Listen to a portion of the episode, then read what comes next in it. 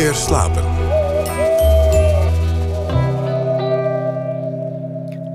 Als kind bracht hij de zomers in Turkije door en werd door opa meegenomen naar de kampioenschappen olieworstelen. Een langzaam op de achtergrond rakende, maar nog altijd populaire sport. En daar zag hij het allemaal gebeuren. Dat grijpen, werpen en wegglijden. De uiterste krachtsinspanning, de snelheid en het doorzettingsvermogen. In de te Rotterdam geboren en getogen filmmaker Mette Gurmuhan moet een zekere fascinatie zijn achtergebleven. Deze maand ging Young Wrestlers in première, waarin het dagelijks leven in het Amasya Wrestling Center gevolgd wordt. Een van de eerste worstelinternaten van Turkije. Jongens tussen de 10 en 18 leren alles wat er nodig is om professioneel worstelaar te worden. Maar wie zijn ze zelf? Mette Gurmuhan ging naar de Willem de Koning Academie in Rotterdam en studeerde af als filmmaker, maar richtte al tijdens zijn opleiding een eigen productiemaatschappij op Kaliberfilms. Als producent had hij zijn sporen al verdiend en met Young Wrestlers bewijst hij als filmmaker een vlieg op de muur te kunnen zijn. En het resultaat is een film over opgroeien met alle worstelingen van dien. Mette, welkom. Welkom. Je had een hele, een hele drukke week. Een hele drukke maand. Een heel, eigenlijk een heel druk leven vanaf september vorig jaar. Ja, klopt. Gaat het wel goed met je? Ja, het gaat heel goed. hey, die opa die jou meenam naar die worstelwedstrijden. Kun jij je de eerste keer nog herinneren dat je dat bewust meemaakte? Dat je daar met hem zat? Um, ja, een klein beetje wel. Uh, uh, moet ik het uitleggen. Uh, we reden, dus we, toen ging iedereen met uh, auto naar Turkije. Dus was, dat was drie dagen rijden. En elk uh, jaar rond juli uh, zijn er wedstrijden. Ergens in het midden. En hij, neem, hij nam al zijn kleinzonen mee. Ja, het, het was gewoon toen een uitje, net als naar de Efteling gaan. voor ons in ieder geval. Begrepen het niet allemaal wat er gebeurde. Maar op een gegeven moment word je ouder en dan begrijp je dat het iets uh, traditioneel, cultureel. Um, dat eigenlijk voorbereiding voor de worstelingen die ons te wachten staan. In het uh, leven. Levend leven, inderdaad. Uh, een metafoor zou kunnen zijn. Dat begrijp je achteraf. Hoe, hoe ziet zo'n terrein eruit? Want het is in de buitenlucht meestal. Klopt. En dat is, is dan blijkbaar lekker groot. weer. Want ze staan ja. toch niet in de regen met al die. Af, ja, toen midden had je zomer een, een veld ongeveer zo groot als een voetbalveld. Um, dan beginnen ze eerst uh, de jongeren, of de, zeg maar de jongens die ik uh, in de film heb gevolgd. Zij beginnen met hun wedstrijd en dan loopt dat af. En dan is er een hele, um, zeg maar zo'n uh, proces waar de rijken een schaap of een bod doen op een schaap. En, en dat gaat echt tot tonnen geld. En dat geld wordt dan uh, aan een stichting uh, gegeven. En dan is hij de hele jaar de opperhoofd van alle worstelaars. En dan komen de volwassenen en dan is zeg maar uh, tot de persoon de hoofdworstelaar. en die krijgt dan een gouden medaille en van alles wordt er aangeboden. Het klinkt in ieder geval als een, uh, een, ja, in mijn optiek, en ik heb dat nooit in het echt gezien, maar het klinkt ontzettend als een volkssport. Iets wat heel dicht bij, bij het volk staat. Het is niet iets waar, waar cameraploegen omheen zwermen of waar. Of heb ik dat mis? Um, misschien vroeger wel, maar nu is het echt een. Uh, uh, het is opgekocht door een televisieprogramma of televisiezender. Dus zij mogen alleen de opnames doen. En alles wat jij daar probeert te filmen, moet eerst ja, er moet, er moet toestemming gevraagd worden. Maar toen wij de ondersteuning sowieso kregen, waar wij, hadden wij geen tijd voor om te gaan draaien. En de jongens gingen daar nog niet naartoe. Maar het, is, het was een volksgebeuren en alles wordt nu geprivatiseerd, gecommercialiseerd en noem maar op. Dus het is een hele commerciële gebeuren nu. Ja, ik had toch de, de, de hoop dat het een beetje dan. Traditionele. Fijn, traditioneel zou blijven. Maar dat is dus, het is dus blijkbaar heel populair. Anders heeft ja, het is nog steeds populair. Niet meer populair als tien jaar geleden. Nu uh, zijn er moderne sporten, dus, uh, zoals basketbal en tennissen. Uh, want elke Turk wil nu modern zijn. Dus tennis en basket is nu heel erg in. En voetbal nog steeds. Nou, helaas hebben ze vanavond verloren. Um, maar ja, worstelen is nog steeds zeg maar in waar, waar ze heel erg sterk in zijn. Olympisch goud halen ze daarmee. Qua basis is het dezelfde training. Uh, Olympisch uh, trainen. Olieworstelen is alleen maar olie erbij. En dan de houvast vinden in een leren broekje. Nou, dat, dat viel me inderdaad op. Ik heb dat een paar keer in slow motion even af zitten draaien thuis. um, het is ontzettend lastig sowieso. Worstelen is echt wel een, een, een ingewikkeld eh, fenomeen. Er zijn allerlei bewegingen, uh, snelheden, regels. Je moet ongelooflijk veel doen op een hele kleine oppervlakte. Dus dat is ook echt worstelen om de ruimte te vinden. En bij olieworstelen komt er dan nog eens bij dat je elkaar eigenlijk helemaal niet vast kunt pakken. Dus ik zag de hele tijd die handen in die broeken gaan. Hoe ver mag dat? Waar grijpen ze zich dan ook echt vast aan elkaar? Of is het grijpen ze aan de binnenkant van die broek? Uh, binnenkant van de broek, uh, gewoon om houvast te kunnen vinden om de persoon om te kunnen draaien. En soms zit er dan een lapje of een, een naad zit er in zo'n leren broek om dat te kunnen vasthouden. Of gewoon om, ja, je zoiets. Um, het is te technisch om het zeg maar, op radio te kunnen nou, uitleggen. Je, sta, je staat nu uit te beelden dat je iemands hoofd onder je arm klemt. Ja, maar, ja, het ziet er op zich heel opwindend uit. Ja, heel erg. Maar dat is niet uh, de bedoeling. Misschien uh, heel veel volwassenen dat wel zo zien. Uh, maar het is gewoon een bepaalde manier van grip. Zoals je misschien heel vaak een aardappelzak koopt... en dan onder je arm doet om mee te nemen ja, dat, dat, dat, is een mooie metafoor, inderdaad. Voor wat ik eh, te zien kreeg. Ja, wat me sowieso opviel, want daar, daar, daar, daar wil ik eigenlijk ook even naartoe. Um, je hebt die, die jongens gevolgd. Je bent daar geweest, je bent naar die worstel. Hoe kwam je bij die worstelacademie überhaupt terecht? Mijn originele, of uh, de basis van mijn uh, idee was, ging eigenlijk over twee broers. Uh, die ook elkaar tegenkomen op het veld. En een opa was ook kampioen. En hoe zij uh, hun identiteit van elkaar afzonderlijk... Uh, hoe dat zou kunnen ontstaan. Of hoe anders zouden kunnen kon zijn. Dat was de intentie. En uh, op een gegeven moment lukte dat niet. de reden, vader wilde niet. Tegen mij werd gezegd dat ik kinderen kwam ontvoeren. Maar uiteindelijk kwamen we achter dat het om geld ging. En in dat gesprek met hem vertelde hij dat de kinderen de internaat hadden gewonnen. Een prestigieus internaat waar alles uh, wordt vergoed voor hun, uh, van uh, onderwijs tot gezondheid en kleding. En ja, de volgende dag heb ik de uitvoerend producent gevraagd of hij wilde bellen, of ze open waren. Want zoals ik zei, hartje zomer. En ze waren open, en, maar sommige kinderen waren al naar de zomerkamp, Olympische zomerkamp, waren een paar geselecteerd. Dus niet alle kinderen waren daar. We gingen er naartoe en ja, we reden, reden de stad in grijze ja, zeg maar stad midden in een grijs gebergte met boom, groene bomen. En we kwamen bij dat gebouw aan en ik dacht van, uh, roze gebouw, uh, testosteron. Uh, ja, er zit heel veel contrast uh, in dat gebied, een heel cinematografisch plekje. En ik kwam binnen en de trainers, ja, die ontvingen ons met open handen of armen. En ze zeiden, ja, jullie kunnen filmen wat jullie willen... alleen jullie moeten toestemming vragen. En de kinderen zijn voor, ja, die willen ook. Dus, uh, en was maar een week over. Dus we hebben geprobeerd om uh, alle instanties waar ze aan verbonden zijn... dat is het uh, ministerie van Onderwijs en Sport... en de gemeente, Filmfonds... iedereen moest overtuigd worden...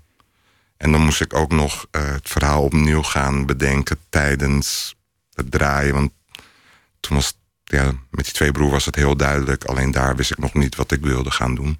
Nee, weet je, had, je had, toen je daar binnenkwam, in dat, bedoel, je, je ziet direct bij zo'n gebouw als filmmaker: dit is prachtig, want testosteron, een roze gebouw met allerlei broeiende jonge jongens erin.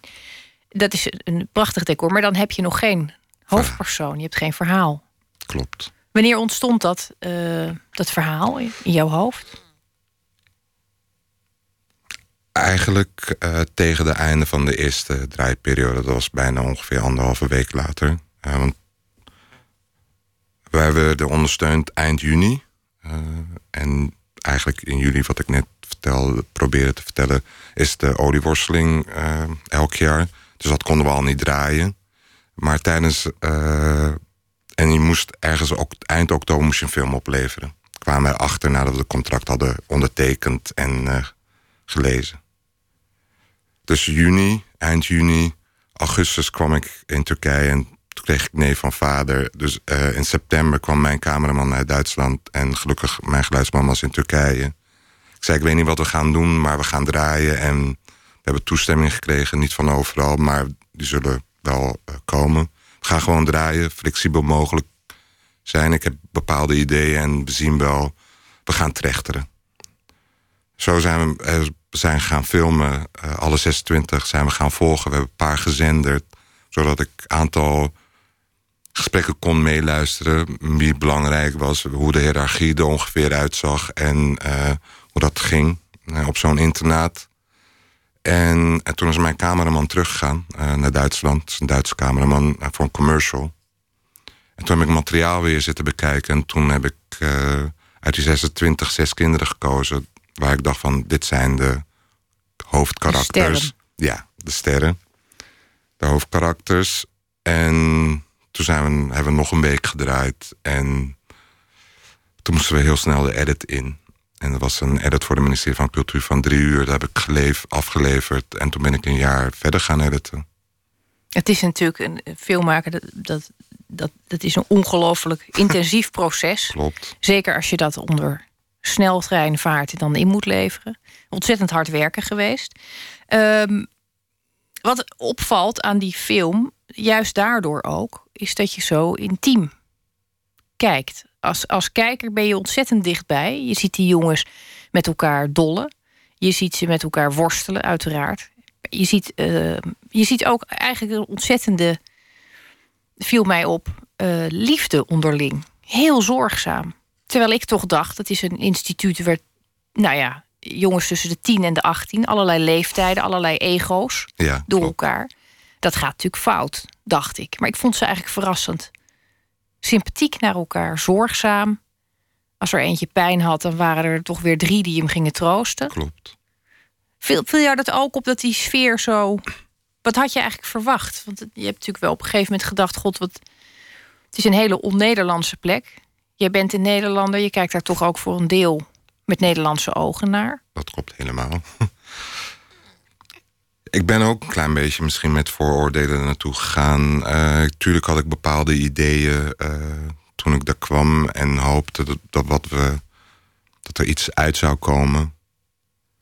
Er is rivaliteit, inderdaad. Vooral tussen de jongens die in dezelfde categorie of gewicht vallen waar ze mee worstelen.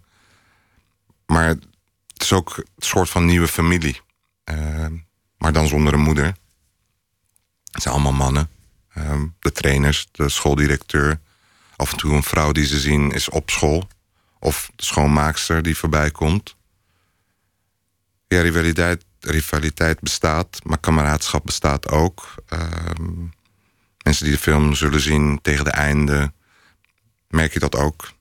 Ehm, de een, beide. Allebei bestaat en uh, niks is zwart-wit voor mij, in ieder geval als filmmaker. En dat gelukkig zag dat ook terug uh, op de internaat. Niks is zwart-wit. Als er eentje heel erg macho is, op een gegeven moment kan hij ook zijn emotie tonen. Dat was de kracht van de cameraman, dat hij heel goed connectie met de kinderen kon maken. Zodat de kinderen niet eens door dat we met aan het draaien waren. Dus dat was waarvoor een van de dingen waarvoor ik bang was dat ze niet aan de camera zouden winnen. Dus ja, het is, dat is genuanceerde film. Uh, emotie, emotieloos, uh, hard, liefdevol. Uh. Nou, dat zie je bij die trainers ook heel erg terug. Want jij zei net, god, ze stonden ons met open armen op te wachten. Ja. en ze hebben een hele dubbele rol in de film. Ze zijn ook de beul, ze zijn ook de, de generaal. Er zit zelfs een scène in, dat vond ik trouwens ook opmerkelijk... dat je dat dus had mogen filmen. Dat een van die trainers bij die jongens staat. Die zijn aan het worstelen. Hij heeft een bepaalde beweging aangeleerd, die trainer. En die, die jongen voert die beweging steeds niet goed uit. En dan zegt die trainer op een gegeven moment: Ik maak je dood als je niet. Ik maak je dood als je niet. Nou, het gaat er best uh, ruig aan toe. Ja. Ik kan me voorstellen dat je, als je daar, nou ja, als je dat omdenkt naar de Nederlandse situatie. Ik bedoel, bij ons haal je, je haalt je kind al van scouting af als die maar een keertje te vaak over een hekje moet eh, springen tijdens een uh, hordenloop of zo. Ik bedoel, dat is, dat is een, het is ook echt wel een andere cultuur in dat opzicht. Het wordt veel meer geaccepteerd dat het er zo ruig aan toe gaat. Of zo gedisciplineerd. Ik vond de jongens ook allemaal heel gedisciplineerd daardoor. Vond je dat niet heftig om te zien dat een man dat naar een jongetje staat te roepen? Ja en nee. ja, uh, heftig in de zin. Uh, op dat moment wel. Maar ik weet, ik wist wat voor persoon hij was. Op een gegeven moment ben je daar 42, 7, 7 dagen lang. Ben je daar en je ziet meerdere dingen gebeuren in plaats van alleen wat je op beeld ziet. Of ik ben niet alleen op een scherm aan het kijken. Dus ik, na het draaiproces uh, of tijdens de lunch, uh, na de trainingen zie ik hoe hij ook met die jongens omging. Het is gewoon een, toevallig een van de trainers, Ramazanoja. Is niet zo verbaal sterk. Uh, dus dat is zijn enige manier hoe hij duidelijk kan maken om, om de jongens te, te, kunnen motiveren. Een andere trainer is verbaal wel sterk. Dus is verschillend. En ja, in film zullen heel veel mensen dat denken. Maar ik heb, heel, ik heb ook een ander, een andere beeld. En dat heb ik ook proberen vast te stellen. Ook nou, in maar de dat, film. Is, dat is ook wel echt goed te zien hoor. Ja. Ik noem dit even omdat ik het een heftige scène vond. Maar ik, ik zie hem ook doorlopend allerlei liefdevolle gebaren maken. Even Ook. een hand op, op dat hoofdje in het voorbijgaan. Dit, dit is ook allemaal heel fysiek. Maar ze zijn ook in trance, om eerlijk te zeggen. Ehm, alle kinderen, ook tijdens het trainen, de trainers, eh, wanneer ze trainen, zijn totaal in trance. Zelfs tot eh, de geluidsman op een gegeven moment zei: Ja, de zenders zijn gesponsord. Wil je hem even aanspreken dat hij niet zo hard met de jongens bezig moet zijn? Dus ik liep naar de trainer. Hij was zo in trance, ik, wilde, ik raakte hem alleen maar aan en hij probeerde mij ook gewoon beter te pakken. Dus zo in trance zitten ze trainen ze. En ja, dat gaf mij ook zoiets van: oké, dit is de manier hoe ze, hoe ze helemaal uh, voor hun passie gaan. En dan is de training af en dan is het.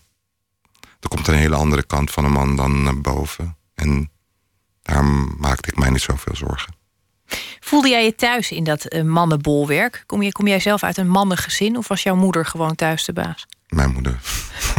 Mijn moeder is altijd de baas geweest. En inderdaad, uh, komen we uit een grote familie. Zes kinderen. Uh, vijf jongens, één meisje. Mijn zusje is meer man dan de rest van de mannen. ja, mijn moeder is altijd wel de baas geweest.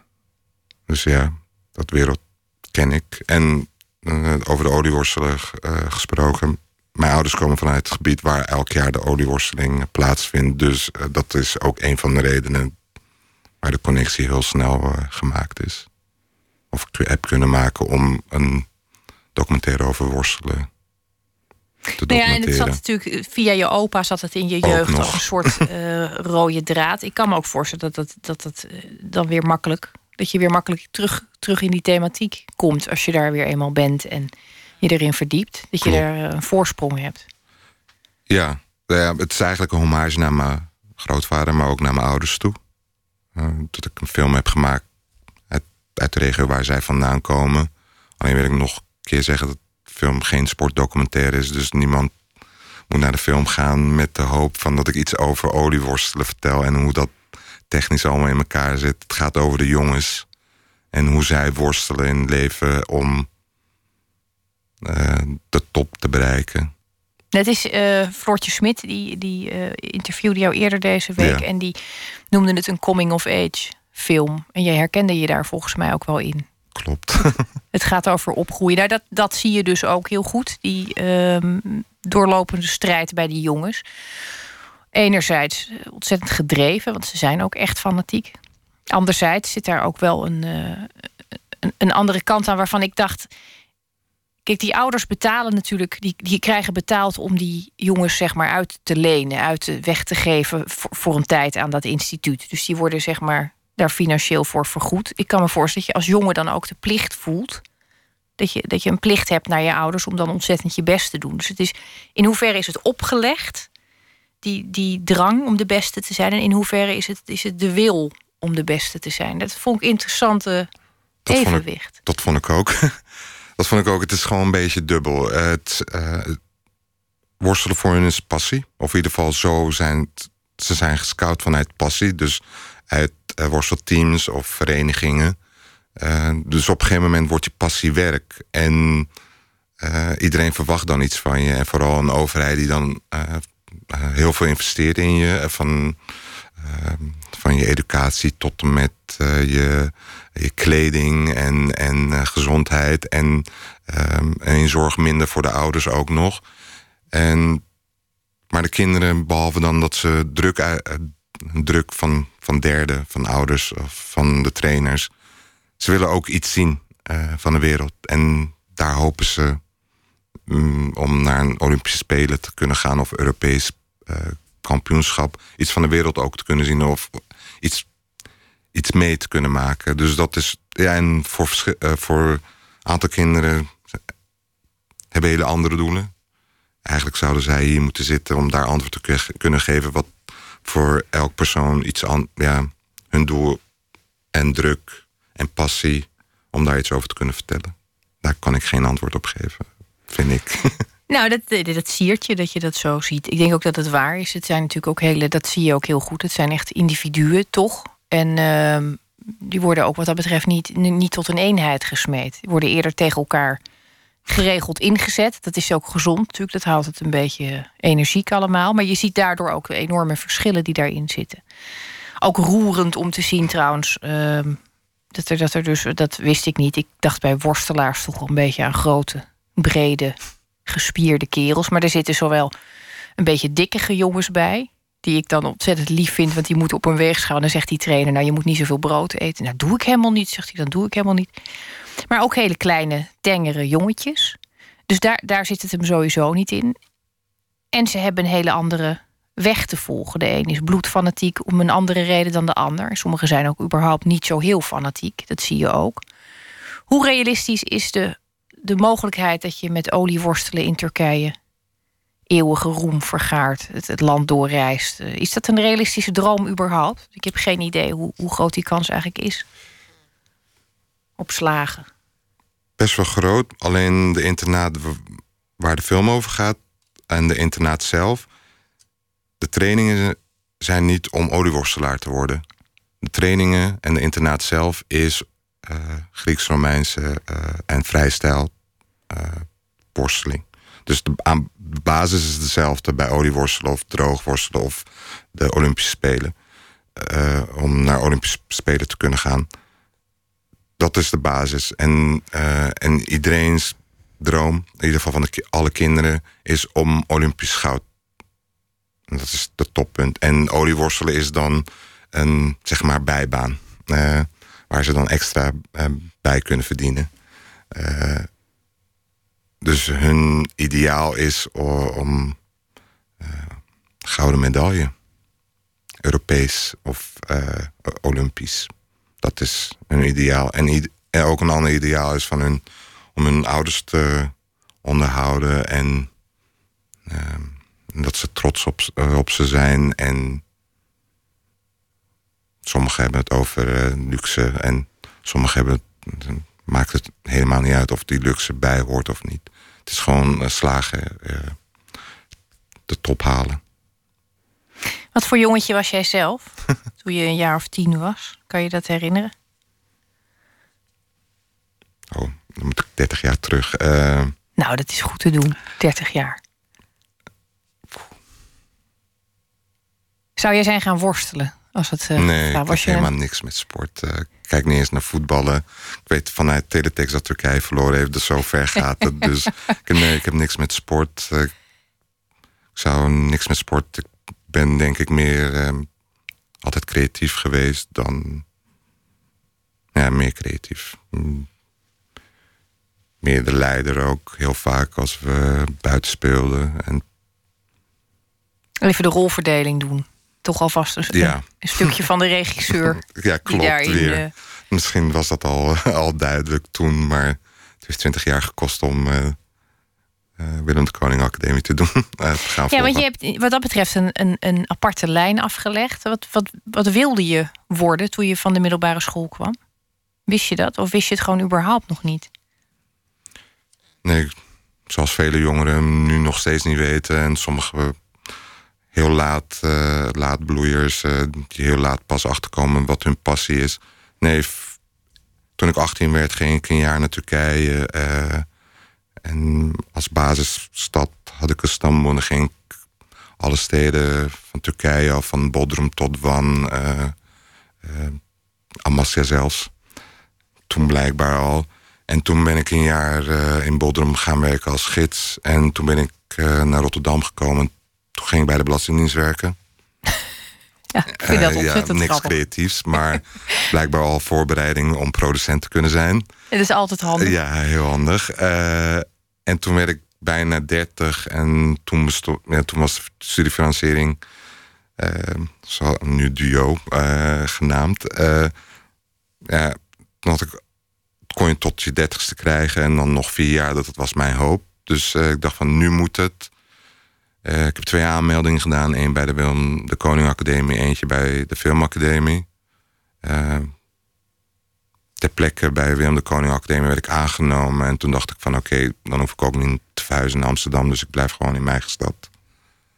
En toen ben ik vier jaar lang de academie gaan doen. En tussendoor, uh, zoals je aangaf, in het tweede jaar wonnen wij een, met Willem Baptist uh, met zijn korte documentaire Bijna Blind en FTM juryprijs van 10.000 euro. En toen, ja, toen dachten wij, wat moeten wij hiermee met dat geld? En de bedoeling was dat we een nieuwe film gingen maken. Maar toen had ik ook ondertussen al gelezen bij de uh, Filmfonds. En toen bestond Rotterdam Mediafonds nog. Uh, dat je twee jaar als bedrijf moest bestaan om een aanvraag te kunnen doen. Toen dacht ik, oké, bingo.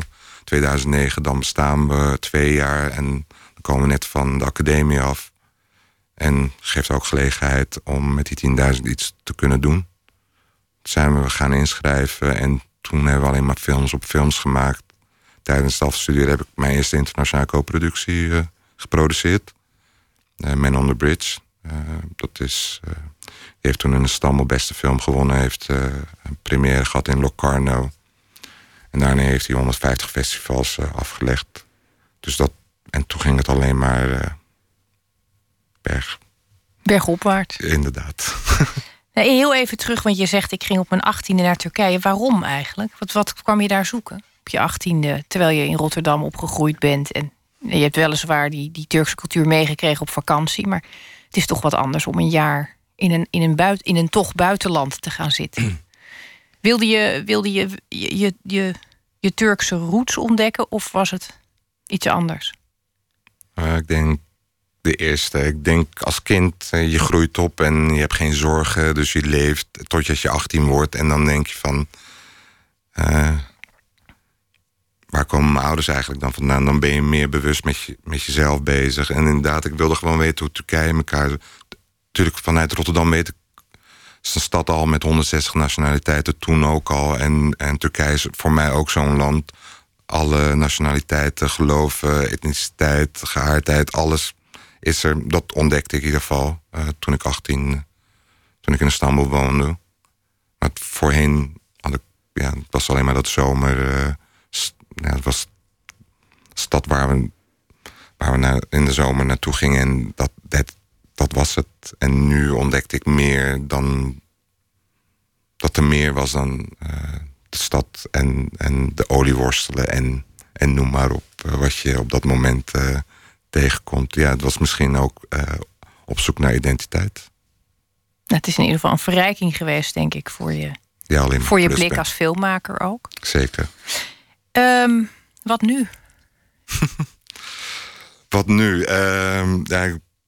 ja uh, Eerst maar even bijkomen, Eerst denk bijkomen, denk ik inderdaad. Want uh, sinds september is het alleen maar... of op een trein naar Parijs aan het Thalise zitten. En eh, ja, ik ben al met de fictieplan bezig, Monkey Boy. Ik wens je ontzettend veel succes. Dankjewel. Met de Gumuan en dankjewel dat je er was. Graag gedaan. Voor wie het niet wist, Nooit meer slapen is ook de podcast... zodat u dit programma op elk gewenst moment kunt beluisteren. En hoe dat moet, leest u op onze website. Na het nieuws gaan we verder met het tweede uur... en horen we Gerard van Emmerik onder andere. En we gaan het hebben over zomerhits in de boekenwereld. Dat na het nieuws van 1 uur.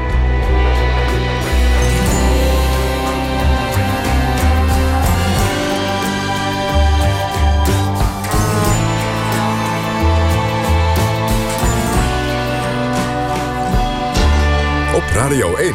Het nieuws van alle kanten.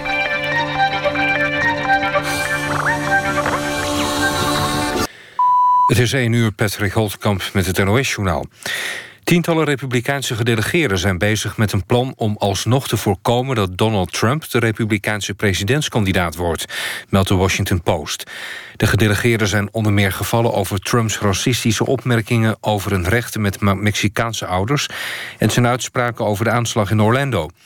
De gedelegeerden proberen het voor elkaar te krijgen dat mensen op de partijconventie kunnen stemmen op wie ze maar willen, ongeacht wie de meeste stemmen binnenhaalde tijdens de voorverkiezingen. De politie heeft een man opgepakt in verband met de gewelddadige dood van de krantenbezorgster in Rotterdam-Delfshaven. De vrouw van 51 werd vorige maand neergestoken en bezweek een week later aan haar verwondingen. De verdachte is een 29-jarige man uit Schiedam. Het motief voor de steekpartij is nog onduidelijk. Mogelijk probeerde de dader de krantenbezorgster te beroven. De man die een dodelijk ongeluk veroorzaakte in het Gelderse Zelm... had de auto waarin hij reed gestolen van een psycholoog... die justitie naar zijn huis had gestuurd. De man reed frontaal in op een auto met daarin een vader, moeder en twee kinderen. Een jongetje van vier kwam om. De autodief probeerde te vluchten, maar omstanders hielden hem tegen. Volgens het OM was vlak voor het ongeluk de psycholoog bij hem geweest vanwege een strafzaak.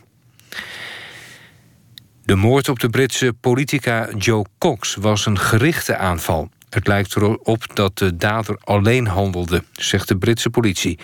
Kort na de moord op de Labour-parlementariër werd de 52-jarige dader opgepakt. Rechercheurs zoeken het motief in rechtsextremistische hoek. Ze proberen te achterhalen hoe de dader aan een vuurwapen is gekomen. In Groot-Brittannië wordt ook de komende dag geen campagne gevoerd... voor het referendum over het EU-lidmaatschap. Het weer. Vannacht blijft het droog en koelt het af naar een graad of 11. Overdag eerst droog, maar geleidelijk trekken enkele buien... van west naar oost over het land en het wordt 16 tot 19 graden. Ook zondag is het vrij koel. Het blijft wel droog en later is er meer ruimte voor de zon. Dit was het NOS Journaal. NPO Radio 1. VPRO. Nooit meer slapen.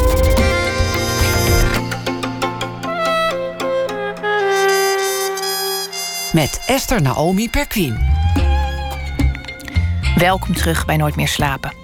Hooggehakte, langbenige en meestal schaars geklede dames met een onverholen erotische uitstraling. Dat is het beeld dat het werk van fotograaf Helmut Newton oproept. En straks hoort u meer over Newton naar aanleiding van de overzichtstentoonstelling die in het Amsterdamse Fotografiemuseum Foam is te zien. En violiste Lisa Jacobs komt straks langs. Ze heeft een nieuw album uit, L'Arte del Violino, waarop ze werk uitvoert van Pietro Antonio Locatelli, een Italiaanse componist en violist uit de barokperiode. Maar we beginnen natuurlijk met proza bij het nieuws van de afgelopen dag. Opnieuw verzorgd door schrijver Gerard van Emmerik. Gerard, goedenacht. Hallo Esther. Gisteren trof jij je personage zomaar aan op de pont. Ja. Hoe, is het, uh, hoe is het je vandaag vergaan? Nou, ik heb uh, hem niet op de pont aangetroffen. Maar uh, ik heb me wel volop in het nieuws weer gestort. Het voelde eigenlijk alsof ik bij de Chinees was. Veel te veel keus. 30 soorten nasi en zo. En ik, heb me, ik was erg hebberig, dus ik heb uh, drie berichten in één verhaal gevat. En ga je me vooraf vertellen wat die drie berichten zijn? Of moet ik achteraf toch even een soort tentamen doen? Nou, nee, ik ga je geen tentamen laten doen. Ik hoor trouwens een enorme echo in de lijn. Ik weet niet of, of dat voor de luisteraars ook zo is. Dat zou best eens kunnen. Ja? Een lichte echo. Ja, ik hoor een enorme echo. Oh, nou, nee, aan mijn kant is die niet zo enorm. Ik zal eens wat door de kamer gaan wandelen. Misschien dat ik te dicht bij een modem zit of zo. Of maakt het net, maakt niks uit. Nou, wandel even rond. is nou, altijd, altijd goed naar, voor het slapen gaan. Even kijken naar de wc. Nu sta ik in de keuken, maar ik hoor nog veel meer echo. En nu loop ik weer naar de kamer. Nou, Gerard, nou, we doen het er maar mee, hoor. We doen het ermee. En het, het, is toch ook weer prettig dat we even een rondleiding door je huis hebben ja. gehad. Hoe vond je ik had het? Ik had het niet willen missen, persoonlijk. nee, dat dacht ik ook. Nou ja, ik had drie berichten. En een van die berichten was dat steeds meer kinderen alleen nog wonen bij hun moeder. En dan was er de Gay Pride in Istanbul die geannuleerd is om veiligheidsredenen. En ik las over Al-Tabaat. Dat is een groepering die uh, oproept om zoveel mogelijk sodomieten neer te schieten. En daar heb ik een verhaal over. We gaan uh, naar je luisteren, Gerard. Oké. Okay. Nu de Pride weer naderde, wist Paul wat hem boven het hoofd hing. Morgen zou zijn moeder hem in alle vroegte wekken. De regenboogvlag uit het raam hangen en zich hullen in een roze shirt met... Mijn zoon is zo en ik ben trots op hem. Ze zou haar voorkeur voor Bach inwisselen voor stramme huppelpasjes... op de klanken van Lady Gaga of Shirley Bassey. Vorig jaar had hij gezegd... Mama, moet dat nou? Ik ben 40. En ik 73, had ze geantwoord. Kom lieverd, we gaan. Ze had hem meegetroond naar de zeedijk. En op een terras vol voorspelbare leermannen en motorlesbo's... blije, lege kletspraatjes gevoerd... met twee muisachtige jongens uit Zonnemeren... die hem nog dezelfde nacht een mailtje stuurden... of hij een beetje lekker geschapen was. En zo ja, kwam hij dan naar hun hotel. Nee, dit jaar moest het anders gaan. Hij zou zeggen, mama, ik ben 41. En als zij dan riep, ik ben ook weer een jaartje dichter bij het einde. Kom, we gaan. Dan zou hij nee zeggen. En vertellen hoe sympathiek het was dat ze Reven las en steunlid was van het COC. En haar kennissenkring bestookte met petities tegen Poetin. Maar dat hij meer was dan alleen gay. Dat hij in honderd andere categorieën te plaatsen viel. Nog thuiswonend, brildragend, Breaking Bad fan, vegetariër met af en toe een niet te stuiten verlangen naar bloederige rosbief. Ochtends werd hij gewekt door discogedreun van buiten, vanaf de gracht. Zijn moeder maakte nog geen lawaai. Misschien was ze haar shirt aan het strijken. Toen hij de woonkamer inliep, zat ze in haar relax-fauteuil teletext te kijken. De ramen waren gesloten. Er wapperde geen vlag. Nog niks gebeurd, zei ze. Geen aanslagen tot dusver. Code 3. Weet je, misschien moeten we dit jaar eens overslaan. Gewoon thuis blijven. Paul knikte en verdween naar de keuken. Terwijl hij cappuccino maakte, werd het warm in zijn hoofd. Er stak iets op, een hete, scherpe woede die hij niet kende. Hij liep terug naar de kamer. Zijn moeder keek inmiddels naar een ontbijtshow. Een columniste zei dat het ook wel erg confronterend was, al dat gezoen en alles, zomaar op straat. Hij zette het toestel uit. Kom, zei hij, trek je mooie shirt aan, mama. We gaan. Gerard, het is een, uh, het, het is een roerende bijdrage geworden, alweer. Vond je? Ja, dat, dat vind ik, ja omdat ik dan uh, me zo voor kan stellen dat zo'n moeder daar bijna een hobby aan heeft. Ja. En daarmee allerlei uh, facetten van dat leven uiteindelijk over het hoofd ziet. Nou, heel gebruikelijk lijkt me ook. Als mensen Ja, ergens ja. in doorschieten. Schreef het met plezier. Ja, dat was hoorbaar. Eh, wat dat betreft kwam die echo natuurlijk ook goed uit. Daar hebben we het gewoon twee keer tegelijk kunnen horen. Het was de moeite meer dan waard. Fijn. Ik wil je danken voor je bijdrage van deze week. En ik eh, ga je ontzettend goede nachtrust wensen. En eh, slaap onder iets regenboogachtigs. Ja, ik zal mijn best doen hoor. Fijn. Iets gelijks. Dag.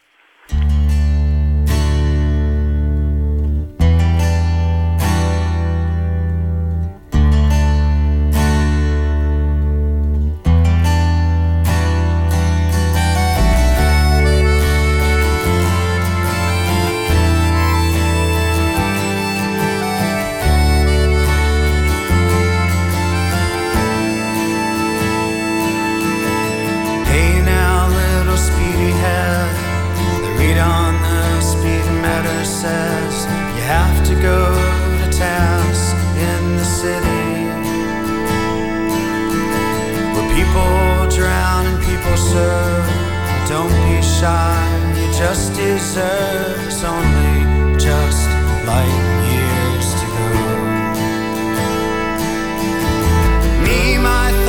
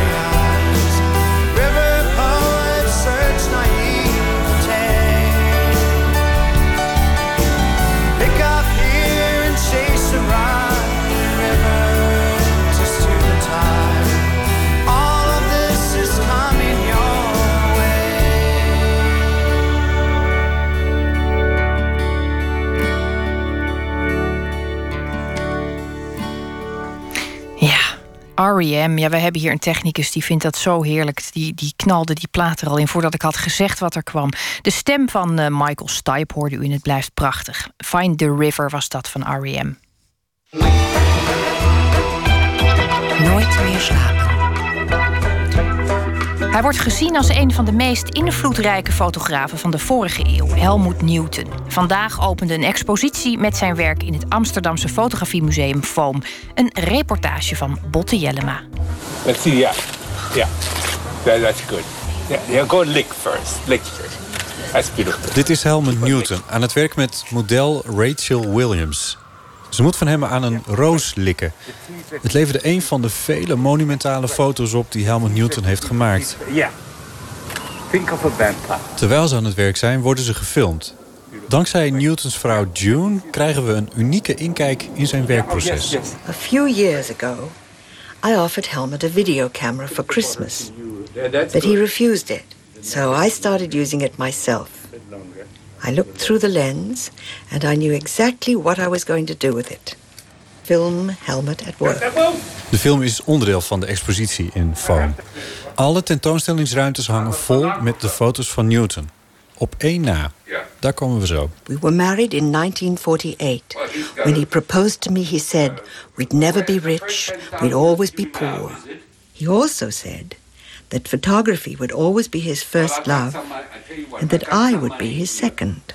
Helmut Newton wordt geboren in 1920 en groeit op als Joodse jongen in het burleske Berlijn van voor de oorlog. He bought his first camera at the age of 12 and he's been taking pictures ever since. In 1938, als hij 18 is, gaat hij via Singapore naar Australië. Hij begint als persfotograaf en wordt later wereldberoemd als mode- en glamourfotograaf. Time magazine called him the king of kink. Feminists call him an exploiter of women.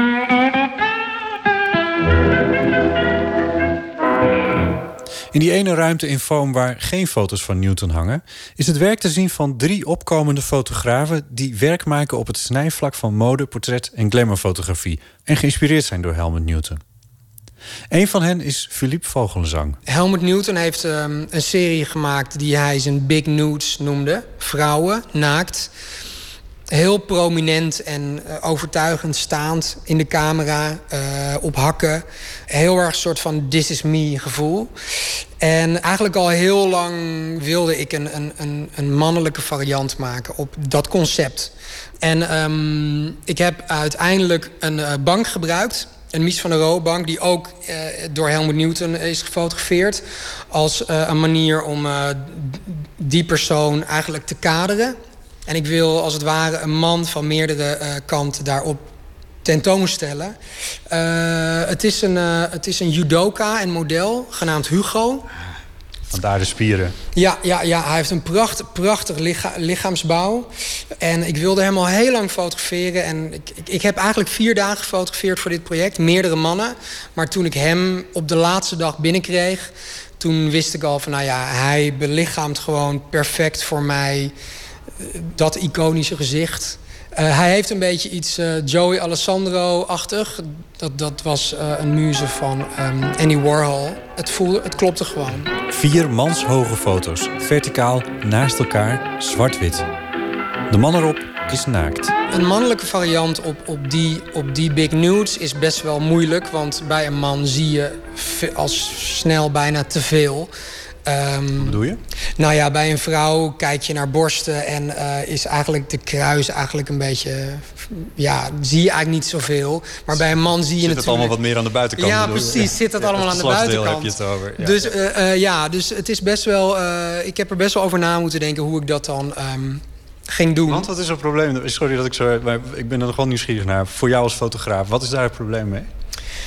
Nou, ik denk dat mannelijk naakt wordt veel anders geïnterpreteerd dan vrouwelijk naakt. Het gaat dus over de perceptie uiteindelijk. Ja, ja, ja. En, en um, uh, uh, ja, met die perceptie of niet. Of je, je, je kijkt er gewoon op een andere manier naar. Je beoordeelt het ook anders. Um, dus ik wilde daar iets, iets op een zachtere manier mee omgaan. Ik wilde niet dat je binnenkwam en dat je pff, alleen maar naar zijn piemel zou kijken. Verderop in het museum hangen de foto's die de inspiratiebron zijn geweest voor Philippe. Maar dit zijn er vijf. Klopt. Um, ik weet eigenlijk niet hoeveel, hoeveel big nudes er origineel zijn. Maar uh, ja, zijn big nudes zijn een begrip geworden. Kan je beschrijven hoe de vrouwen op deze foto erop staan? Nou, op verschillende manieren. Het zijn, het zijn vijf verschillende vrouwen. Uh, ze staan op hakken. Ze staan uh, vrij... Nou, niet allemaal heel zelfverzekerd, maar ze staan wel echt in een overtuigende houding. Kijken net een beetje naar beneden, geloof ik, hè? Nou ja, de Ze een... kijken naar beneden in de zin van... Oh ja, ze kijken hangen... op je neer ja. als toeschouwer. Ja, dat klopt, dat klopt. Helmut Newton heeft... Het enige wat ze aan hebben is schoenen. En um, ze hebben haar en make-up is gedaan. Ja, het zijn een soort van Amazones. Maar zijn beelden zijn zo bekend en deze foto's die hebben zo'n impact gehad op uh, de fotografie.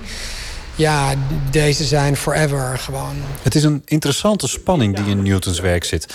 Het gaat wel over seks en de vrouwen staan soms naughty op de foto's. Maar ze hebben de controle. Het zijn Amazones. There. That's it. Beautiful. I like the word powerful. I've always liked uh, strong women because I feel secure. In de documentaire van zijn vrouw zegt Newton dat hij zich veilig voelt bij sterke vrouwen.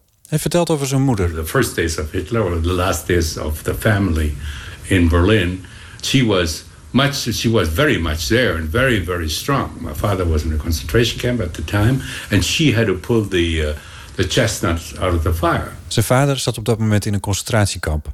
Zijn moeder moest de kastanjes uit het vuur halen. This kind of Amazon woman has always appealed to me. De vrouw was voor hem de hero, de heldin. Hij was heel erg met het lichaam bezig. Hij was heel erg met seks bezig. Heel erg met uitdaging. Hoe hij vrouwen heeft neergezet is, ja, is vanuit een heel sterk perspectief. Een eigen perspectief. Een fantasie die hij had met die vrouwen. That's beautiful. Like a panther. Fantastic. Yeah, you should be higher. You're too low now, Cindy. Before you were higher, you were bearing down on her. Was much more aggressive. Yeah, stay. I have these catchwords to to sort of get myself going. I'm talking to myself like. Ik praat tegen mezelf zoals je tegen een hond praat. Be mysterious, Helmut. Wees mysterieus, Helmut. Spanning. Zenuwen zijn nodig. Nervousness is needed. Vandaag de dag zijn er zoveel meer fotografen dan toen. Ook door de digitale fotografie kun je eigenlijk je beeld qua sfeer alle kanten optrekken. Dus dat je een beeldstijl ontwikkelt die heel erg eigen is, is heel erg belangrijk. Het is heel mooi om uh, een fotograaf te zien waarbij dat in elk beeld gewoon heel sterk aanwezig is. Uh, Andy Warhol uh, ligt hier op een bank. Salvador Dali zit hier op een stoel tijdens een van zijn laatste momenten. Slangetje uit zijn neus. Dit is volgens mij um, Catherine Deneuve. Een hele bekende foto van haar met een sigaret in haar mond. Yves Saint Laurent hangt hier heel groot in twee verschillende outfits. Pierre Gardin, uh, David Hockney, uh, Prins Albert of Monaco, Peter Beard. Het houdt niet op. De, de wereld waarin hij zich begaf En de, de mensen die hij voor zijn lens heeft gekregen is waanzinnig. Dat, daar, daar droom ik ook van, absoluut. Ja, het, het, het is een... Uh... The Iron Lady volgens mij daar. Margaret Thatcher. Well, Margaret Thatcher had been my pin-up girl. I used to call her my pin-up girl for a long time. To think that this woman was a prime minister of a very important country. So I would think to myself, imagine going to bed with the Prime Minister of England. I mean, wouldn't that be the greatest thing in the world? Ik heb er nu... echt wel meer foto's van gezien dan ik in eerste instantie dacht. Ja, ik zei net tegen je van, van, nou, ik ken het hele repertoire niet. Maar als ik hier om me heen kijk, dan dat, dat, is, dat is toch wel waar. Dat, dat een belangrijk deel van die foto's, die, die heb je een keer voorbij zien komen. Klopt, klopt, absoluut. Hij is, hij is zo'n uh, fotograaf. Zijn foto's zijn zo vaak hergebruikt. Worden nog zo geadoreerd door... Iconisch noemen ze dat dan? Ja, ja, ja zijn, zijn zo iconisch. Um, als, als fotograaf, en zo, zo voel ik dat ook... als je van iemand een foto maakt... je hebt de gelegenheid om een memorabel moment vast te leggen van iemand daar moet je ook voor gaan. Als je dat moment niet pakt, dan is het gewoon echt zonde. Uh, Helmut Newton heeft uh, ontzettend veel uh, bekende mensen gefotografeerd. En um, je voelt dat hij dat ook heeft geprobeerd. Hij heeft een, een, een bijzonder moment proberen vast te leggen met, met die man of die vrouw.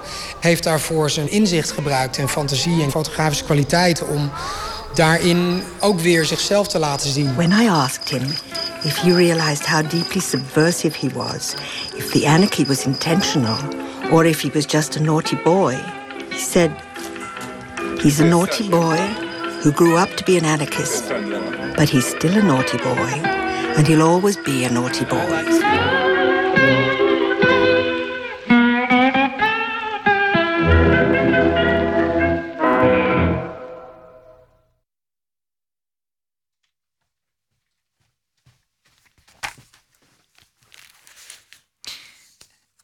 De foto's van Helmut Newton zijn vanaf dit weekend tot begin september te zien in het Amsterdamse fotografiemuseum Foam.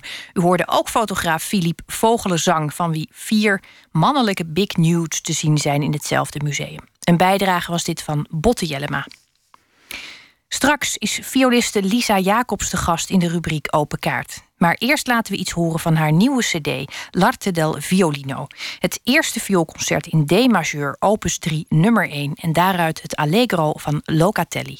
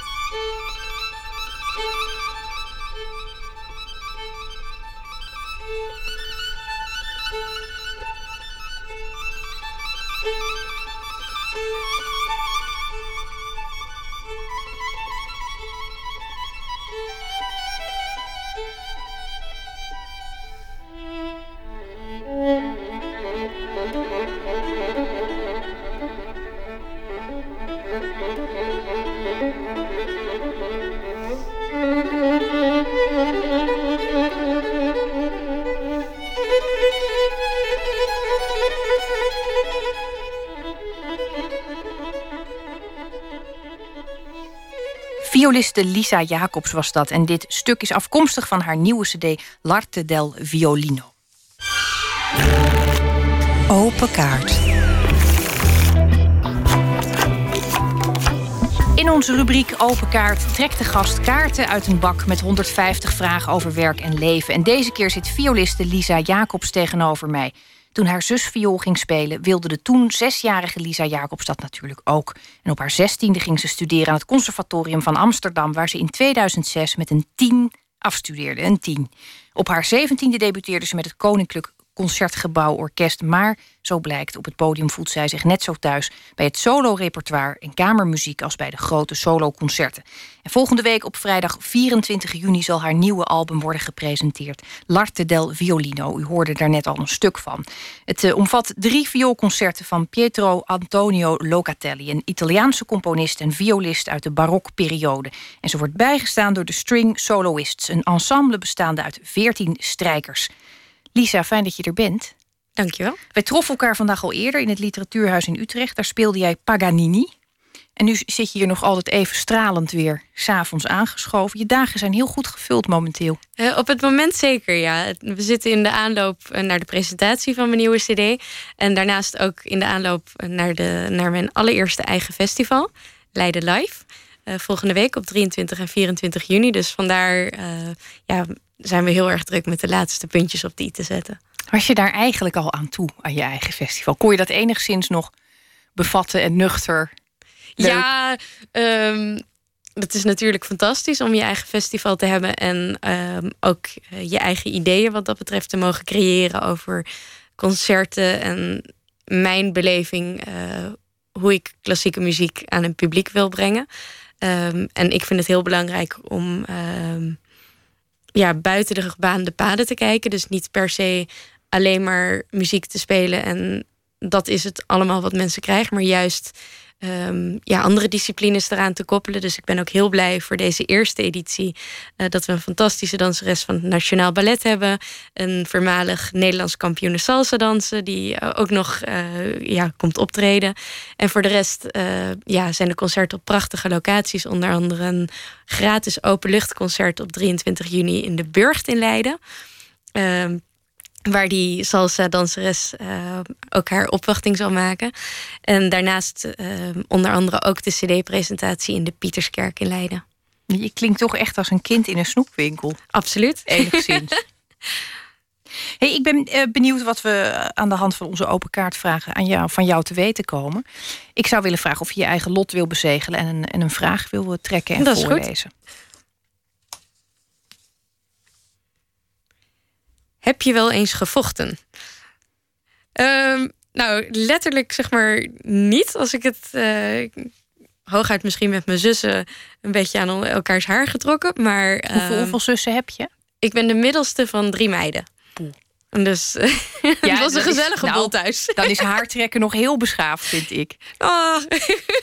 nee, was het een, waren jullie enigszins competitief ingesteld vroeger? Um, nou, niet per se competitief, maar uh, alle drie absoluut andere karakters. En uh, ja, dat botst natuurlijk af en toe en dat, dat heb je altijd. Uh, dus wat dat betreft, misschien een klein beetje, een klein beetje gevochten, maar een daadwerkelijk echt gevecht nooit gehad. Nee, ik kan me ook niet voorstellen, zeker niet op het moment dat je dan eenmaal een instrument hebt. Dan moet je natuurlijk altijd oppassen met het omstoten, het zwaaien en het slaan van dingen. Omdat Absoluut. En ook uitkijken dat je dat je, je vingers niet uh, kneust. En uh, ja, misschien in figuurlijkere zin heb je wel eens gevochten, misschien gevochten voor iets. En dat absoluut wel. Want uh, ik denk, als je een carrière als muzikus of artiest um, nastreeft. dan moet je altijd vechten voor je plekje, want er is ongelooflijk veel competitie. En wat dat betreft, in figuurlijke zin natuurlijk wel flink gevochten en nog steeds. Wist je eigenlijk toen je, want je begon ontiegelijk jong, je wist ook al heel snel dat je dit wilde. Besefte je ook dat je een, wat dat betreft behoorlijk problematisch leven tegemoet zou gaan. Want het is natuurlijk, ik bedoel, los van hard werk is het ook gewoon een. Het is een, een, een, een beroep waarbij je alles inzet wat je bent. Het is wel zeker een bewuste keuze geweest. En ehm, je kiest, denk ik, alleen voor zo'n pad als, je het, nou, als het echt je grote liefde is. Uh, om het zo maar te zeggen. En uh, je weet ook dat het geen 9 tot 5 baan gaat zijn. En uh, dat je er gewoon uh, ja, met volle overgave in moet. Aan de andere kant maakt dat het ook weer heel mooi. Want um, juist doordat je dat doet, um, creëer je ook iets wat ja, helemaal jij is uiteindelijk. En ik denk nou ja, bij de meeste banen waar je voor een baas werkt en netjes doet wat er van je gevraagd wordt, zal je denk ik toch niet heel snel die inspanning leveren. En dat vind ik heel mooi aan mijn beroep. Dat ik uh, ja, gewoon mijn hele ziel en zaligheid erin kan leggen. En dat was ook te zien, want ik zag je vanmiddag spelen en ik moest ik denken aan wat een uh, cellist ooit tegen mij zei. Die zei toen ik vroeg, dat is, dat, is, dat is ook namelijk soms heel intiem. Je staat daar in je eentje op dat podium. Iedereen kijkt, iedereen luistert, iedereen hoort alles. En toen zei ik, het lijkt me dus best lastig. Toen zei hij, ik sta daar niet alleen. We zijn altijd met z'n tweeën. In dat geval bedoelde hij dus uh, zichzelf en zijn instrument. En dat meende ik vanmiddag bij jou ook een beetje te zien. Nou, absoluut. Um, je moet natuurlijk op dat instrument spelen. En ik, ik heb het geluk dat ik een fantastisch instrument heb waarop ik mag spelen, überhaupt. Um, en ja, dat haalt ook het goede in jou naar boven. En dat haalt ook het plezier in je naar boven dat je um, dat instrument wil ontdekken en daar meer uit wil halen en de grenzen mee op wil zoeken. Dus wat dat betreft is het inderdaad niet dat je daar in je eentje, ja, om het zo te zeggen, in je naki staat, maar heb je altijd iets om uh, ja, in te kruipen eigenlijk. Nou, dat zeg je mooi. Wil je nog een vraag uh, pakken, ja. alsjeblieft? Ben je goed in je werk? Um, oh, dat vind ik een hele lastige vraag. Uh, want dat vraagt natuurlijk om een kwalificatie die ik over mezelf ga geven. Um, ik ben wel gelukkig met mijn werk. Dat is misschien niet exact het antwoord. Uh, maar ik vind het heel moeilijk om een waardeoordeel aan mezelf te geven. Um, ik denk dat ik dingen op een manier doe die ik goed acht. En waar ik volledig achter sta. Um, en dat ik ook heel zelfkritisch ben. Um, maar ik denk dat het aan andere mensen is om te waarderen of ik uiteindelijk goed ben in mijn werk. Um, ik word er in ieder geval gelukkig van. Nou ja, als de maatstaf uh, van jouw kant hoog ligt en je wordt er gelukkig van, dan is dat natuurlijk een. Daar zit enige relatie. Dan zou je kunnen zeggen, jij wordt er gelukkig van en, en je hebt een hoge ja, en ik hoop, dat... ik hoop natuurlijk ook dat andere mensen er gelukkig van worden. Nou, ik heb dat vanmiddag dus zelf even kunnen aanschouwen. Ik heb ontzettend veel gelukkige mensen na afloop aangetroffen daar. Nou, dat is mooi. Ja, nee, de, de gracht liep er vol mee. um, had jij door in een vroeg stadium dat, dat je het sneller kon dan anderen, of beter kon, of makkelijker? Want als kind registreer je dat natuurlijk wel. Dan zit je met leeftijdsgenootje, je ziet andere mensen ook worstelen. Ja, ik had, het, ik had het geluk dat ik. Uh tenminste voor mij het geluk dat ik een uh, oudere zus heb. Die dus begon met viool spelen. En ik vond het prachtig wat zij aan het doen was. En uh, tegelijkertijd um, kom ik niet uit een gezin van muzici. Maar mijn moeder um, houdt wel heel erg van klassieke muziek. En die draaide ook veel muziek. Dus ik ben er wel van kind af aan eh, mee in aanraking gekomen. En op het moment dat mijn zus dus inderdaad viool speelde, wilde ik dat ook heel graag. En dan ging ik ernaast staan. Ging ik met lepels mee oefenen. En haar steeds zeggen wat ze moest doen. uh, dus mijn ouders hadden toen de keuze gemaakt. De viool is van je zus. En jij houdt het nog gewoon even lekker op ballet. Waar ik uh, op zat en wat ik ook uh, lange tijd heb gedaan. Um, maar op een gegeven moment hadden ze wel door dat ik het echt interessant vond. En toen ik eenmaal mocht beginnen met viool spelen, had ik wat dat betreft een voorsprong. Omdat mijn zusje, die ook absoluut heel getalenteerd was. Uh, dat bleek later. Um, al die liedjes al had gespeeld. Dus ik kende eigenlijk alle liedjes al voordat ik ze überhaupt zelf ging uitvoeren. Dus dan heb je al een hele grote voorsprong. Um, en ja, naarmate ik iets ouder werd en ook wat zelfbewuster natuurlijk, had ik wel door dat ik uh, bovengemiddeld speelde vergeleken met mijn klasgenootjes. Daar zaten er ook een aantal op violes. En dan klonk het bij mij misschien net iets anders dan bij hun. Dus ja, daar was ik me op een gegeven moment wel bewust van. Maar nooit heel erg mee bezig had, geweest dat ik veel een stukken beter was. Ja, dat accepteerde ik gewoon daar ergens. Heb je ook helemaal geen tijd voor. Als je zo hard moet oefenen, dan ben je daar over het algemeen heb je gewoon geen tijd om daarop te letten wat anderen allemaal aan doen. Zo nee. zit je gewoon met, met die viool zelf. Mhm. Pak er nog één alsjeblieft. Welke kritiek van anderen krijg je soms te horen? Uh, oh, uh, op werkvlak? Uh, nou, laten we het op privévlak Op privévlak. Um, oh, dat is ook een lastige. Misschien dat ik zeker in bepaalde zakelijke situaties misschien niet af en toe zakelijk genoeg ben en misschien ook niet hard genoeg ben af en toe. ik hou er altijd heel erg van om gewoon uh, ja, iedereen een goed gevoel te geven, een beetje. En uh, daardoor laat ik misschien mezelf af en toe ook wel een beetje ondersneeuwen. Het is een heel erg lastig proces. Als je ja. gedreven bent in je vak, je maakt iets wat je met zoveel mogelijk hart en ziel wil doen. Om, om iets uh, prachtigs te laten horen. En dan moet je vervolgens ineens een hele andere kant ontwikkelen. Je moet je eigen manager zijn eigenlijk. Of je nou, eigen... absoluut. En je moet ook uh, wat dat betreft uh, jezelf verkopen. En af en toe daar ook een beetje geheid in zijn. En dat, je zegt het uh, met enige weerstand, zie ik. Ja, dat vind nou. Of het toch een beetje. Het is aan de ene iets... kant is dat, is dat natuurlijk uh, ook belangrijk. Want je bent in zekere zin je eigen merk en je eigen product. Um, aan de andere kant. Um, is het gewoon af en toe moeilijk om jezelf de hemel in te prijzen, om het zo te zeggen. Want, uh, nou ja, dat zal je waarschijnlijk ook ervaren. Ieder mens heeft uiteindelijk ook zijn tekortkomingen. En daar refereer je, denk ik, als je zelf reflecteert, ook altijd aan. Dus dan is het moeilijk om uit perspectief alleen maar je goede kant uh, op te gaan noemen. En. Maar het, het, is natuurlijk ingewikkeld als je, als je dit, dit doet, omdat je samenvalt met wat je maakt. Heel erg in jouw geval. Mm -hmm.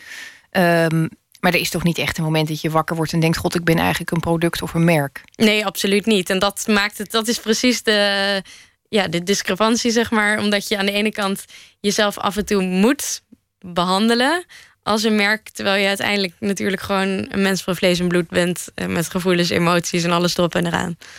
Ja, het is ook een kwestie van uh, uh, oefenen, vrees ik. En dan zul je dus inderdaad wel eens engerts tegenkomen die van alles over je heen walsen.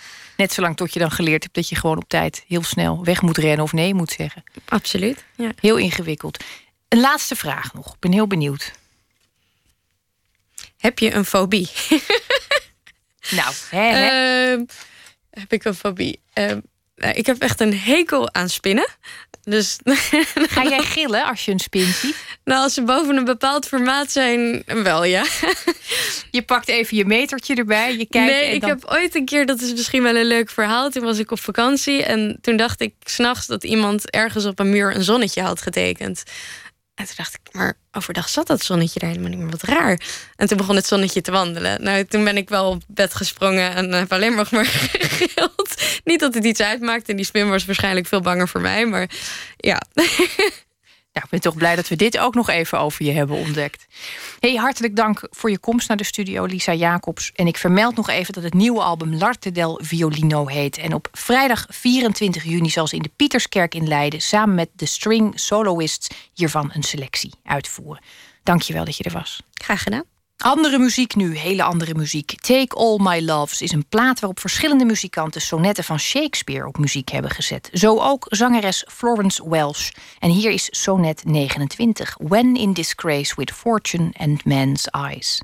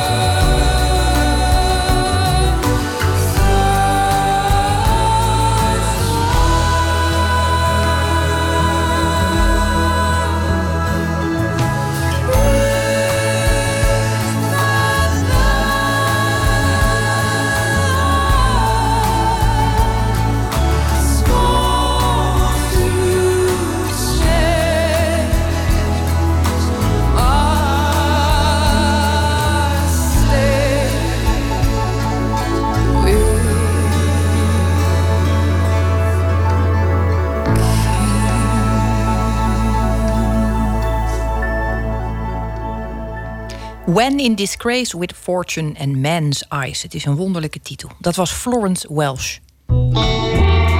Nooit meer slapen. Het is alweer bijna zover. Dan vertrekken we weer met de tas of e-reader vol boeken richting strand of een andere fijne, ontspannende plek. En elk jaar is het weer zo dat we in het vliegtuig of het strandstoeltje naast ons de buurman of buurvrouw zien met precies dezelfde literaire roman. Nachtcorrespondent Floortje Smit, daar wilde jij het vandaag nou eens een keer over hebben. Ja, want ik ben dus zelf echt zo'n zomerlezer die dan denkt van oh, ik heb heel veel tijd om ook echt wat te lezen. En ehm, dan denk ik ook na over wat ik dan wil gaan lezen. Ik ben nu de afgelopen dagen echt gebombardeerd door het boek De Meisjes van Emma Klein. Vooral uh, in uh, op Twitter. En zozeer zelfs dat ik dacht, ik weet er verder heel weinig over. Maar ik echt dacht, dit boek moet ik gaan lezen. Want alle mensen die ik denk dat een goede mening hebben, die lezen het. En die vinden het heel goed. En volgens mij betekent dat ook meteen dat straks op het strand... dat we dus allemaal met de meisjes van Emma, van, uh, van uh, Emma Klein zitten. Zoals we ooit eerder zaten met Bonita Avenue of het diner of van toe. En toen vroeg ik me dus af, wat bepaalt nou eigenlijk zo'n zomersucces? Nou, ik vraag me dat ook al jaren af. Jij bent er dus nu helemaal achter. Ik ben erin gedoken. Ik heb eerst uh, Jet Steins gebeld. Die analyseert voor de Volkskrant elke week de CPMB Bestseller 60.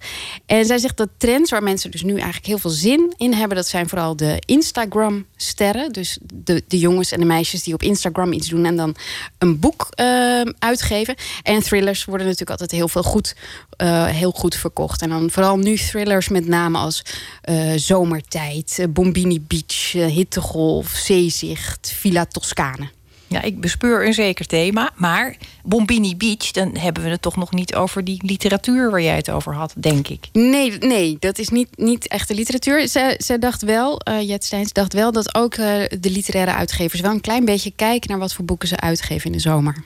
Ze willen geen boeken uitbrengen die zich uh, ja, in, in sneeuw en dat soort dingen afspelen. Het zijn toch meer, ja, toch een beetje romans dus vaker met een, uh, een zomerstintje, denk ik. Um, het moeten natuurlijk wel boeken zijn die, uh, uh, ja, die, maar dat zijn natuurlijk altijd de bestsellers. Moeten boeken zijn die pakkend zijn en die een beetje snel doorlezen. Ja, maar die zomer heeft nou juist ook het voordeel dat je meer tijd hebt voor een boek. En dat je niet meer met, met twee pagina's voor het slapen gaan en dan, dan kukel je om. Maar dat je gewoon echt een hele dag lekker in een stoel kan zitten lezen. Ja, en dat zei zij ook. En het uh, interessante is eigenlijk dat er heel weinig echte literatuur verschijnt in de zomer. Uh, dat vertelde Oscar van Gelderen mij vandaag van uh, Lebowski. Um, hij zei eigenlijk na half mei is het afgelopen. Want dan redeneren de uitgevers ja, dan zijn de, de talkshows zijn gestopt. Uh, de, de literaire bijlagen worden kleiner. Dus er is minder ruimte in de krant. Mensen gaan gewoon op vakantie. En dat is natuurlijk heel funest als je je boek een beetje in de markt wil zetten. Dus als je echt een literair boek hebt wat je, waarvan je denkt van nou, dat kan wel wat zijn, dan moet je er echt voor zorgen dat hij al voor de zomer in die uh, top 60 zit. Um, maar hij zei ook dat hij juist daarmee probeert te breken. Want hij denkt dat, dat het niet zo is dat mensen geen zin hebben in literatuur. Dat kan hij niet echt zeggen. Wat ik wel kan zeggen is dat ik het dus een beetje vreemd vind dat we als uitgevers niet proberen veel meer in die zomer die, uh, te claimen met goede literatuur. En dat gaan wij dus ook doen deze zomer. De eerste stap is Emma, Emma Klein, uh, The Girls. De tweede stap is dat we uh, gaan komen met Talese, met The Warriors Motel. En we komen met de nieuwe Dave Eggers op 26 juli.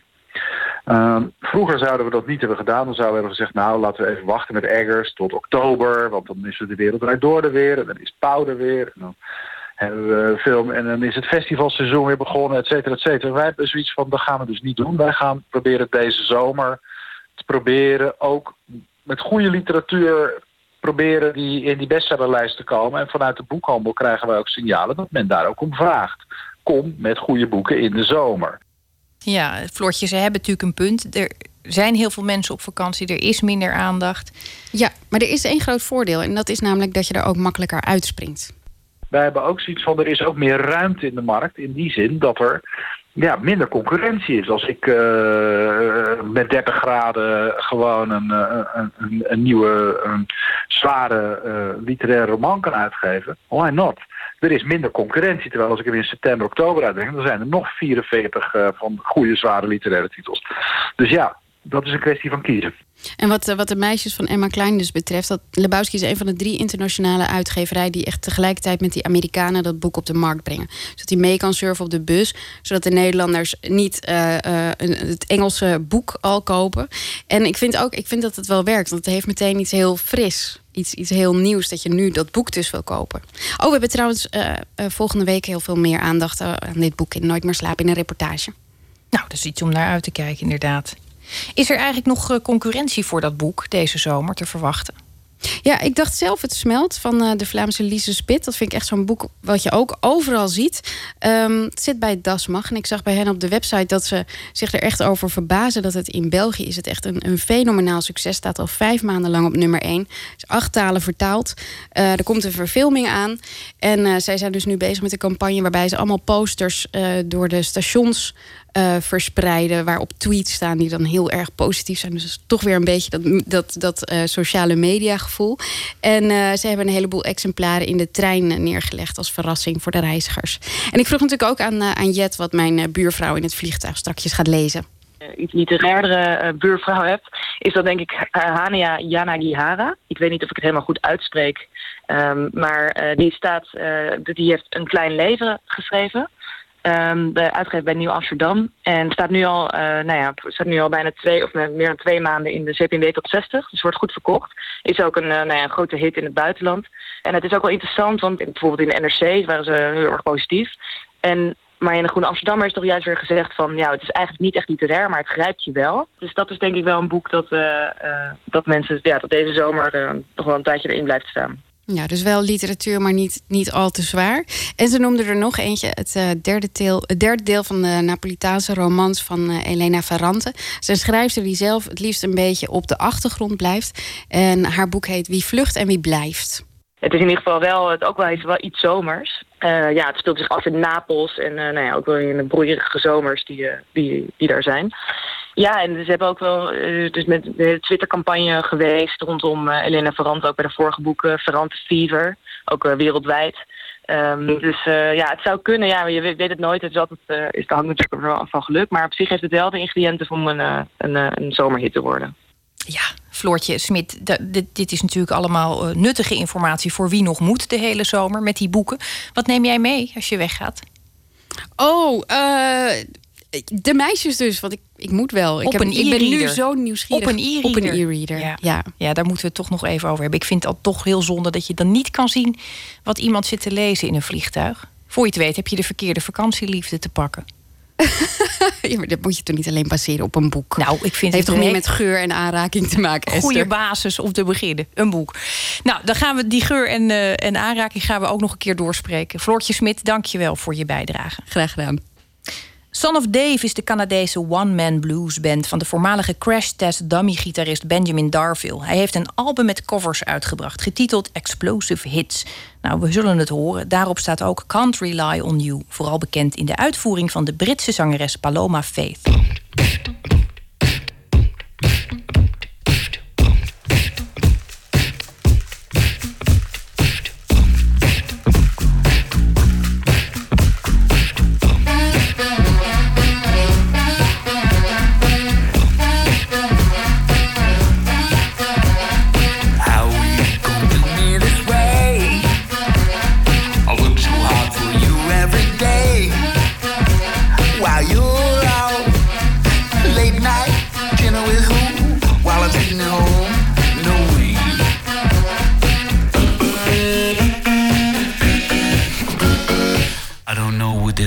Is coming to. But I just can't rely on you.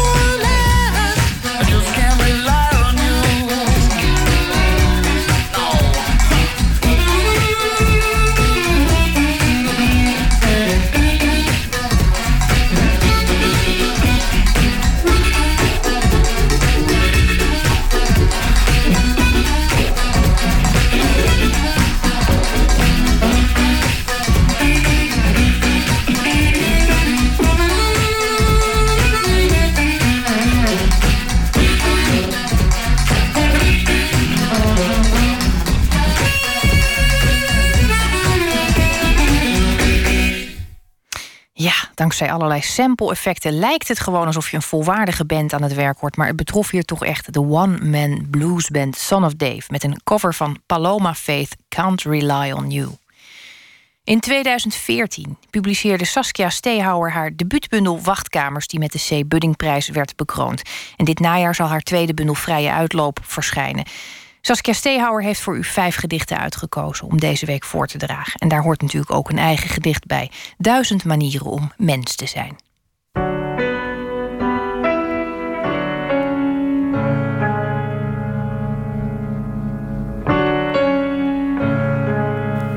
Vanavond lees ik een gedicht van mezelf. Dit gedicht komt te staan in mijn tweede bundel Vrije Uitloop, die in oktober verschijnt.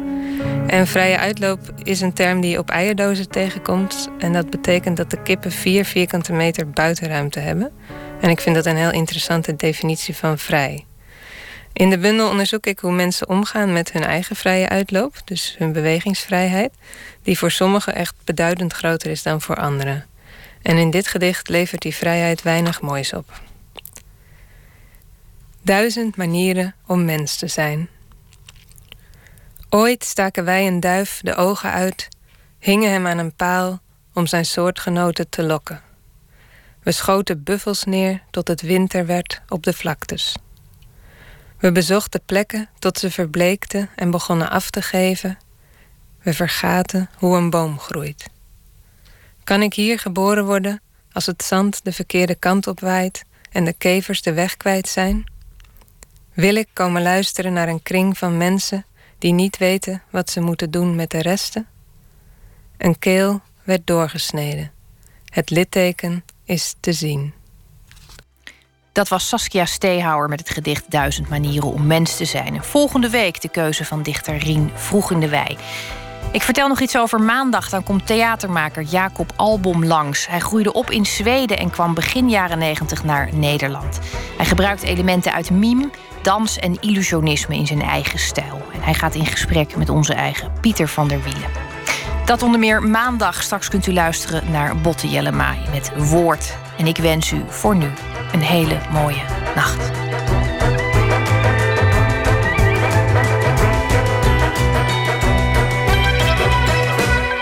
Op Radio 1, het nieuws van alle kanten.